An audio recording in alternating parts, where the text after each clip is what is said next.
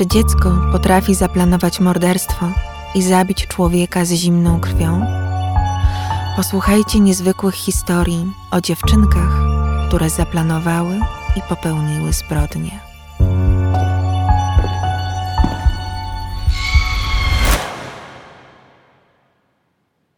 Waukesha w stanie Wisconsin 30 maja 2014 roku. Tego dnia, jak w każde urodziny, dwunastoletnia Morgan Geyser zaprosiła do domu dwie najlepsze koleżanki z klasy. Wcześniej spotkała się z jedną z nich, Anisą Wire.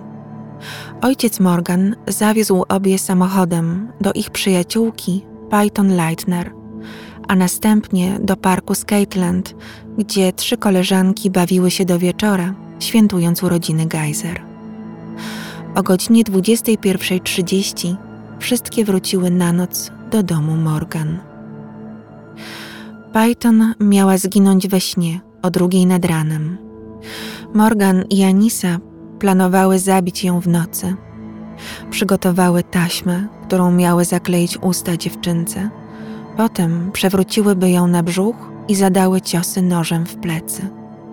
Rankiem przykryte kołdrą ciało zapewne odkryliby rodzice, ale wtedy dziewczyny byłyby już bardzo daleko. Szykowały się do ucieczki natychmiast po dokonaniu zbrodni. Zmieniły plany z błahego powodu. Były zmęczone po zabawie na rolkach i chciały się wyspać. Łaskawie pozwoliły Peyton na spokojny sen do sobotniego poranka. Następnego dnia po śniadaniu, około godziny 10 rano, wszystkie trzy wybrały się do pobliskiego parku. Miały bawić się w chowanego.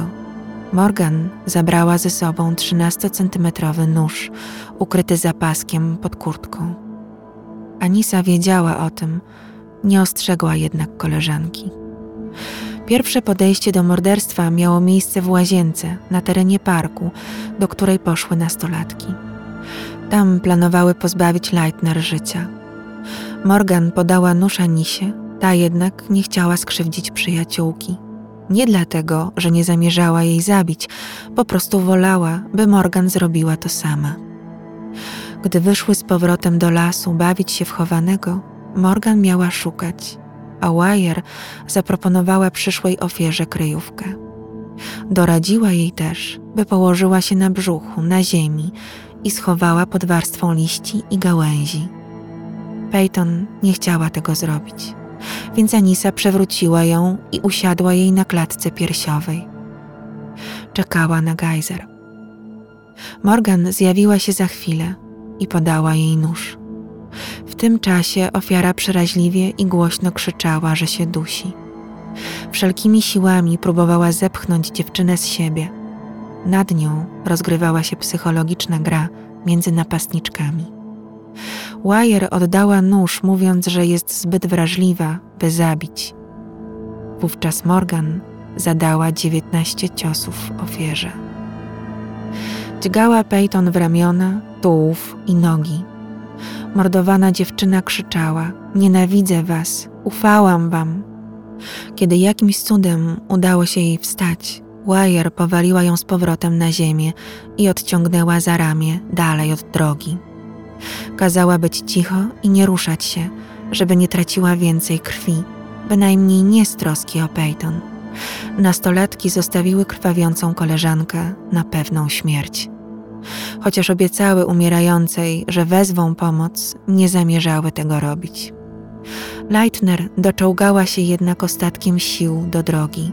Miała szczęście, że akurat przejeżdżał rowerzysta, który natychmiast zadzwonił po pogotowie. Udzielona szybko pomoc uratowała jej życie.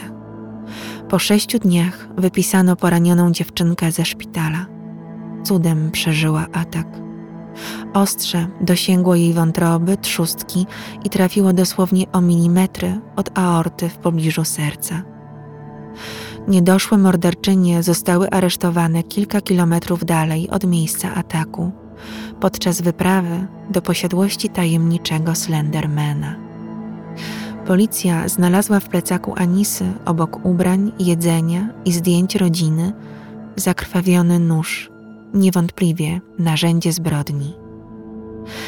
Schwytane napastniczki wyznały, że działały na rozkaz Slendermana, o którym czytały wielokrotnie na creepypasta wiki, na stronie internetowej poświęconej opowieściom grozy. Wyobrażały sobie, że potwór mieszka w Nicollet National Forest w północnym Wisconsin. Właśnie w drodze do tego miejsca zostały złapane. Makabryczny pomysł zrodził się kilka miesięcy wcześniej, już w lutym 2014 roku. Podobno potwór straszył Morgan, że zabije jej bliskich. Śledził ją i czytał jej w myślach, chociaż nigdy go nie spotkała. W zamian za mord dziewczynki miały zyskać jego ochronę dla siebie i swoich rodzin. Jednak przede wszystkim tym czynem chciały stać się jego oficjalnymi pełnomocniczkami i udowodnić niedowiarkom, że Slenderman istnieje. Przynajmniej tak zeznawała Anisa w sądzie trzy lata później, obarczając Morgan Geyser winą za zaplanowanie zbrodni. Morgan początkowo nie okazała ani krzty skruchy. Opowiadała policjantom, że kiedy wycierała zakrwawiony nóż swoją kurtką, cytuję: To dziwne, ale nie czułam żadnych wyrzutów sumienia. Anisa wiedziała, że dokonały czegoś złego, jednak uważała do końca, że nie miały wyjścia. To się po prostu musiało stać. Peyton powinna była umrzeć. Kiedy policja zapytała ją, czy wie, co to znaczy zabić człowieka, odpowiedziała: Wierzę, że to oznacza odebranie życia i żałuję tego. Zła część mnie pragnęła, by ona umarła. Dobra chciała, by przeżyła. Biegli psychiatrzy po zbadaniu Morgan orzekli, że dziewczyna jest psychopatką i cierpi, podobnie jak jej ojciec, na schizofrenię oraz zaburzenia psychotyczne. Obie stanęły przed sądem dla dorosłych. Każdej z nich groził wyrok 65 lat za morderstwo pierwszego stopnia. Nie było wątpliwości, że planowały zabić z zimną krwią. Morgan Geyser w lutym 2018 roku, już jako niemal szesnastolatka, usłyszała wyrok 40 lat pobytu w zakładzie psychiatrycznym, dokładnie tyle, ile zażądał prokurator Ted Szczupakiewicz. Sędzia Michael Boren potraktował ją jako osobę dorosłą i skazał za próbę morderstwa pierwszego stopnia, argumentując swoją decyzję tym, że Morgan wciąż stanowi zagrożenie dla społeczeństwa. Według psychiatrów, pod których opieką pozostawała, dziewczyna mimo terapii i poprawy jej stanu psychicznego słyszała głosy i miała halucynacje. Podczas ogłoszenia wyroku Geyser płakała rozpaczliwie przed sądem. Nie była w stanie wypowiedzieć się składnie o tym, co wydarzyło się w maju 2014 roku. Na żal, było już jednak za późno. Powinnam w tym miejscu dodać, że wyrok mógł być surowszy. Jej obrońcy poszli bowiem na układ z prokuraturą. Zamiast żądać kary więzienia, co początkowo zamierzali, prokuratorzy zgodzili się na wieloletni pobyt w szpitalu psychiatrycznym. Morgan ma prawo ubiegać się o przedterminowe zwolnienie dopiero po ukończeniu 40 roku życia. W chwili osadzenia była najmłodszą pacjentką na oddziale sądowym szpitala psychiatrycznego o zaostrzonym rygorze. Nieco wcześniej, 21 grudnia 2017 roku, Anissa Wire otrzymała niewiele łagodniejszą karę 25 lat pobytu w szpitalu dla psychicznie chorych. Skazano ją za udział w morderstwie drugiego stopnia. Po trzech latach mogła ubiegać się o przedterminowe zwolnienie, co też uczynili jej adwokaci.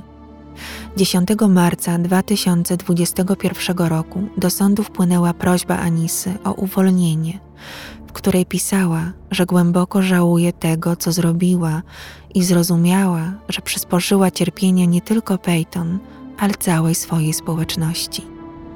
Wspominała też o pracy nad sobą. Cytuję: Nienawidzę tego, co zrobiłam 31 maja 2014 roku, ale dzięki niezliczonym godzinom terapii nie nienawidzę już samej siebie za to. Właśnie teraz, gdy opowiadam Wam tę historię, w czerwcu 2021 roku sąd ma pochylić się nad jej wnioskiem o ułaskawienie. Rodzina poszkodowanej dziewczynki wyraziła zadowolenie i satysfakcję po ogłoszeniu obydwu wyroków. Co najmniej takiej kary oczekiwała od sądu. Przed ogłoszeniem pierwszego wyroku matka Peyton wysłała do sędziego Borena list, w którym opowiedziała, że od tragicznego dnia życie ich rodziny zamieniło się w koszmar. Ciągle odczuwają strach. Peyton notorycznie zamyka okna i drzwi swojego pokoju oraz śpi z nożyczkami pod poduszką na wypadek ataku. Jej matka określiła stan córki jako dożywocie z lękiem o własne życie. Tym samym oczekiwała odpowiednio dotkliwej kary dla sprawczyń zbrodni. Jeden z prokuratorów, Kevin Osborne, jeszcze mocniej podsumował sytuację Peyton, mówiąc, że dziewczyna skazana jest na dożywotnie funkcjonowanie z fizycznymi i psychicznymi bliznami. W 2020 roku do sądu apelacyjnego wpłynęła skarga na sądzenie i skazanie Morgan tak jak dorosłego. Jej obrońcy zażądali postawienia jej przed sądem dla nieletnich za morderstwo drugiego stopnia. Sąd odrzucił skargę. Nie powiedziałam wam jeszcze, kim jest Slenderman, tajemnicza postać, dla której dwie nastolatki chciały poświęcić życie koleżanki. Slenderman, czyli smukła istota bez twarzy i włosów, wysoka na około 3-4 metry, jest jedną z miejskich legend, która funkcjonuje od całkiem niedawna. Spreparowane zdjęcia osobnika w czarnym garniturze, białej koszuli i czerwonym krawacie obiegły internet po tym, jak 10 czerwca 2009 roku zostały opublikowane na forum Something Awful. Jego autor, Viktor Stracz, a właściwie Erik Knudsen, biorąc udział w konkursie na stworzenie wizerunku paranormalnej istoty, wstawił na forum dwa czarno-białe zdjęcia ze Slendermanem. Jako jedyny z uczestników opisał swoje fotografie i nazwał wykreowaną postać. Zdjęcia zostały podpisane jako oryginalne ujęcia z 1983 i 1986 roku, których autorzy zginęli w tajemniczych okolicznościach. Przerażająca istota powstała z inspiracji zaczerpniętych z różnych dzieł grozy, między innymi z utworów Lovecrafta i mojego ukochanego Stephena Kinga.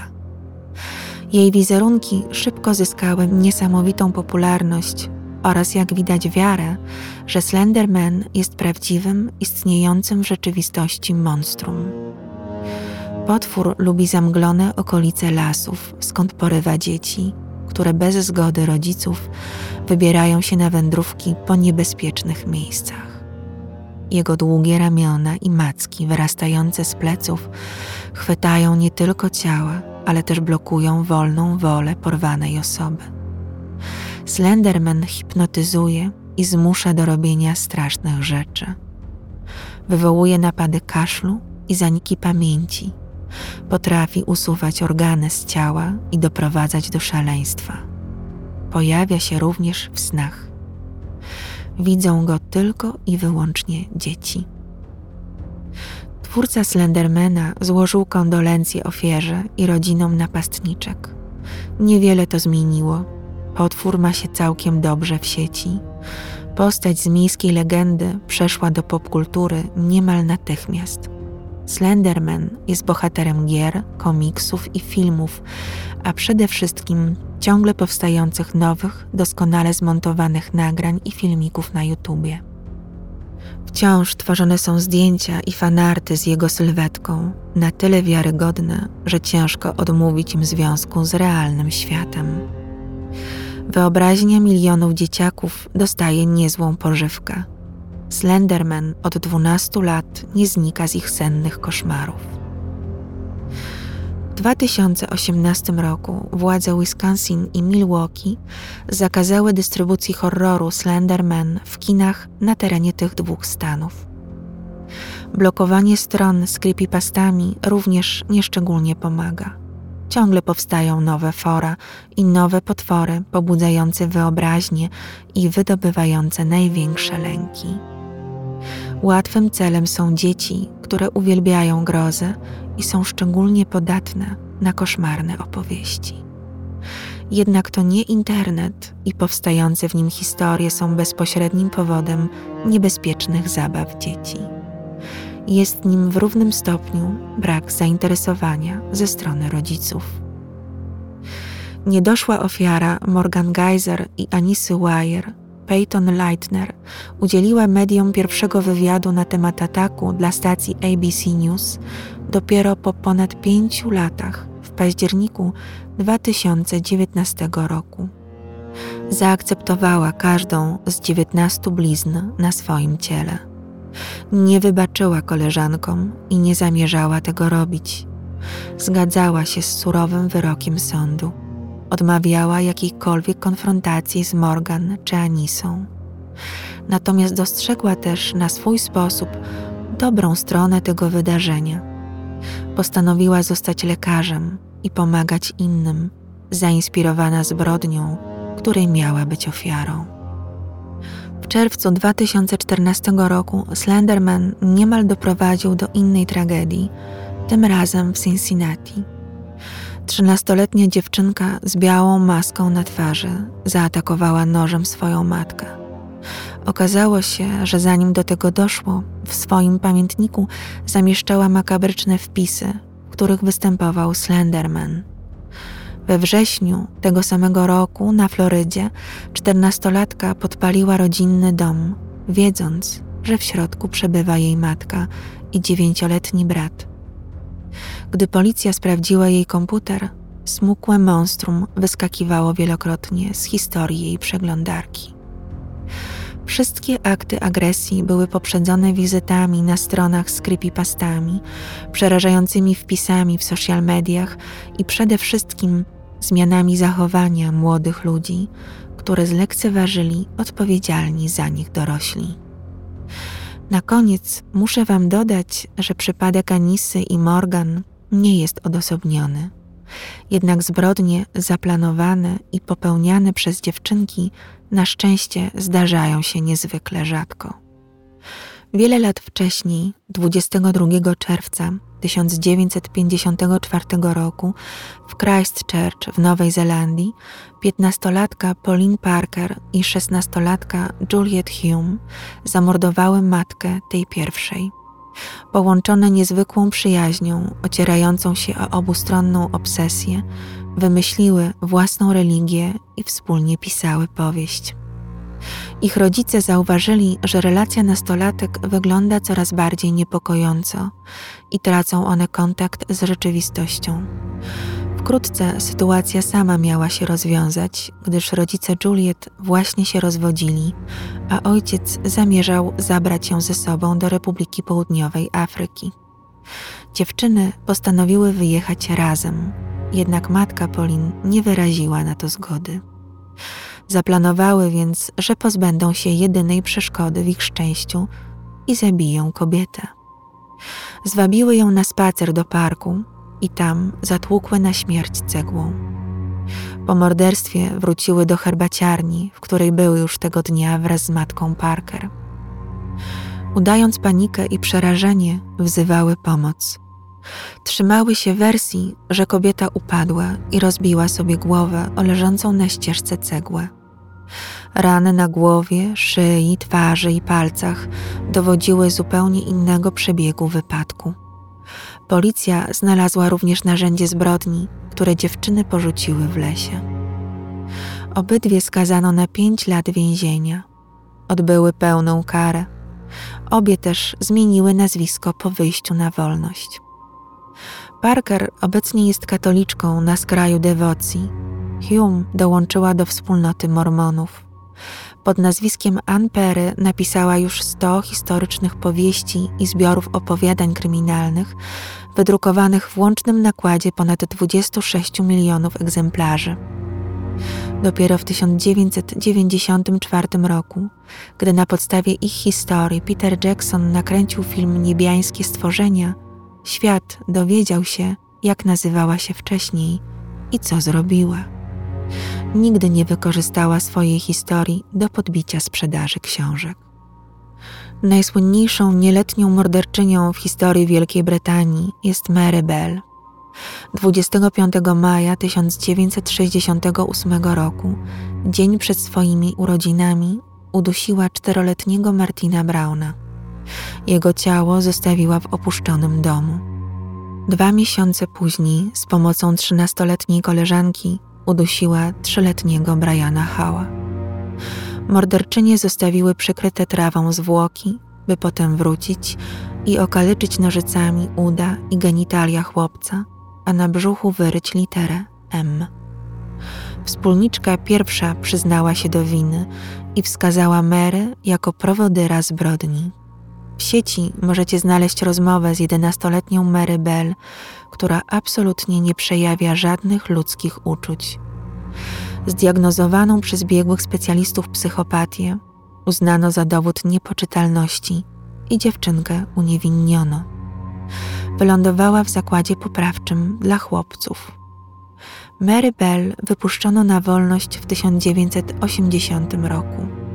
Miała wtedy 23 lata. Z pomocą władz zmieniła nazwisko i znalazła nowe miejsce zamieszkania z dala od rodziny. Cztery lata później urodziła córkę. Ta nie dowiedziałaby się nigdy, że matka była morderczynią, gdyby nie dziennikarze, którzy wytropili kobietę z dzieckiem w 1998 roku. W 2003 roku Sąd Najwyższy przyznał obydwu dożywotnią ochronę, taką, jaką mają świadkowie koronni. W 2009 roku Mary została babcią. Powinniście wiedzieć, że Mary pochodziła ze specyficznego domu. Jej matka urodziła ją w wieku 16 lat i wychowywała sama. Pracowała jako prostytutka. Wiadomo, że przynajmniej raz próbowała zabić córkę i upozorować zbrodnię na wypadek. Stręczyła również dziewczynkę od jej piątego roku życia. Szkoła i matka zlekceważyły agresywne zachowania Mary wobec innych dzieci, które zapewne były reakcją na przemoc i zaniedbanie w domu. Gdyby tylko zareagowali, być może nie doszłoby do śmierci obydwu chłopców. W 1986 roku do celi śmierci trafiła najmłodsza osoba w powojennej historii Stanów Zjednoczonych. 16-letnia Paula Cooper została skazana na śmierć za zamordowanie staruszki, 78-letniej Ruth Pelkę. Wraz z trójką znajomych planowała ją okraść. Napad zamienił się w krwawy mord. Pola zadała 33 ciosy nożem w klatkę piersiową i brzuch kobiety. Morderczyni w 2013 roku została wypuszczona na wolność. Miała wtedy 40 lat. W lipcu 2012 roku dwie szesnastolatki, Sheila Eddy i Rachel Shaw w lesie w zachodniej Virginii zabiły nożem swoją rówieśnicę i przyjaciółkę Skylar Nis. Przez sześć miesięcy ukrywały prawdę o zbrodni przed rodzinami i policją. Posunęły się nawet do tego, że pomagały rodzicom zamordowanej w poszukiwaniu córki. Dopiero na przełomie 2012 i 2013 roku Rachel podczas załamania nerwowego przyznała się do popełnienia morderstwa. Dzięki jej zeznaniom policja odnalazła ciało 45 kilometrów od rodzinnego domu ofiary. Na pytanie, dlaczego ją zabiły, zszokowani policjanci usłyszeli odpowiedź: Po prostu jej nie lubiłyśmy.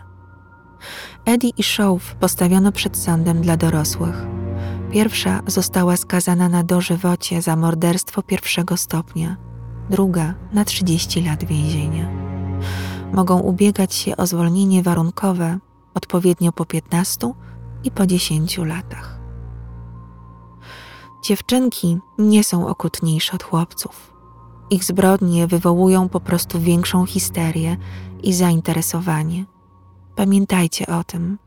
Nawet najgorsze ich czyny stanowią margines marginesu statystyk kryminalnych, a one same po odbyciu kary łatwiej i skuteczniej niż mężczyźni przechodzą proces resocjalizacji.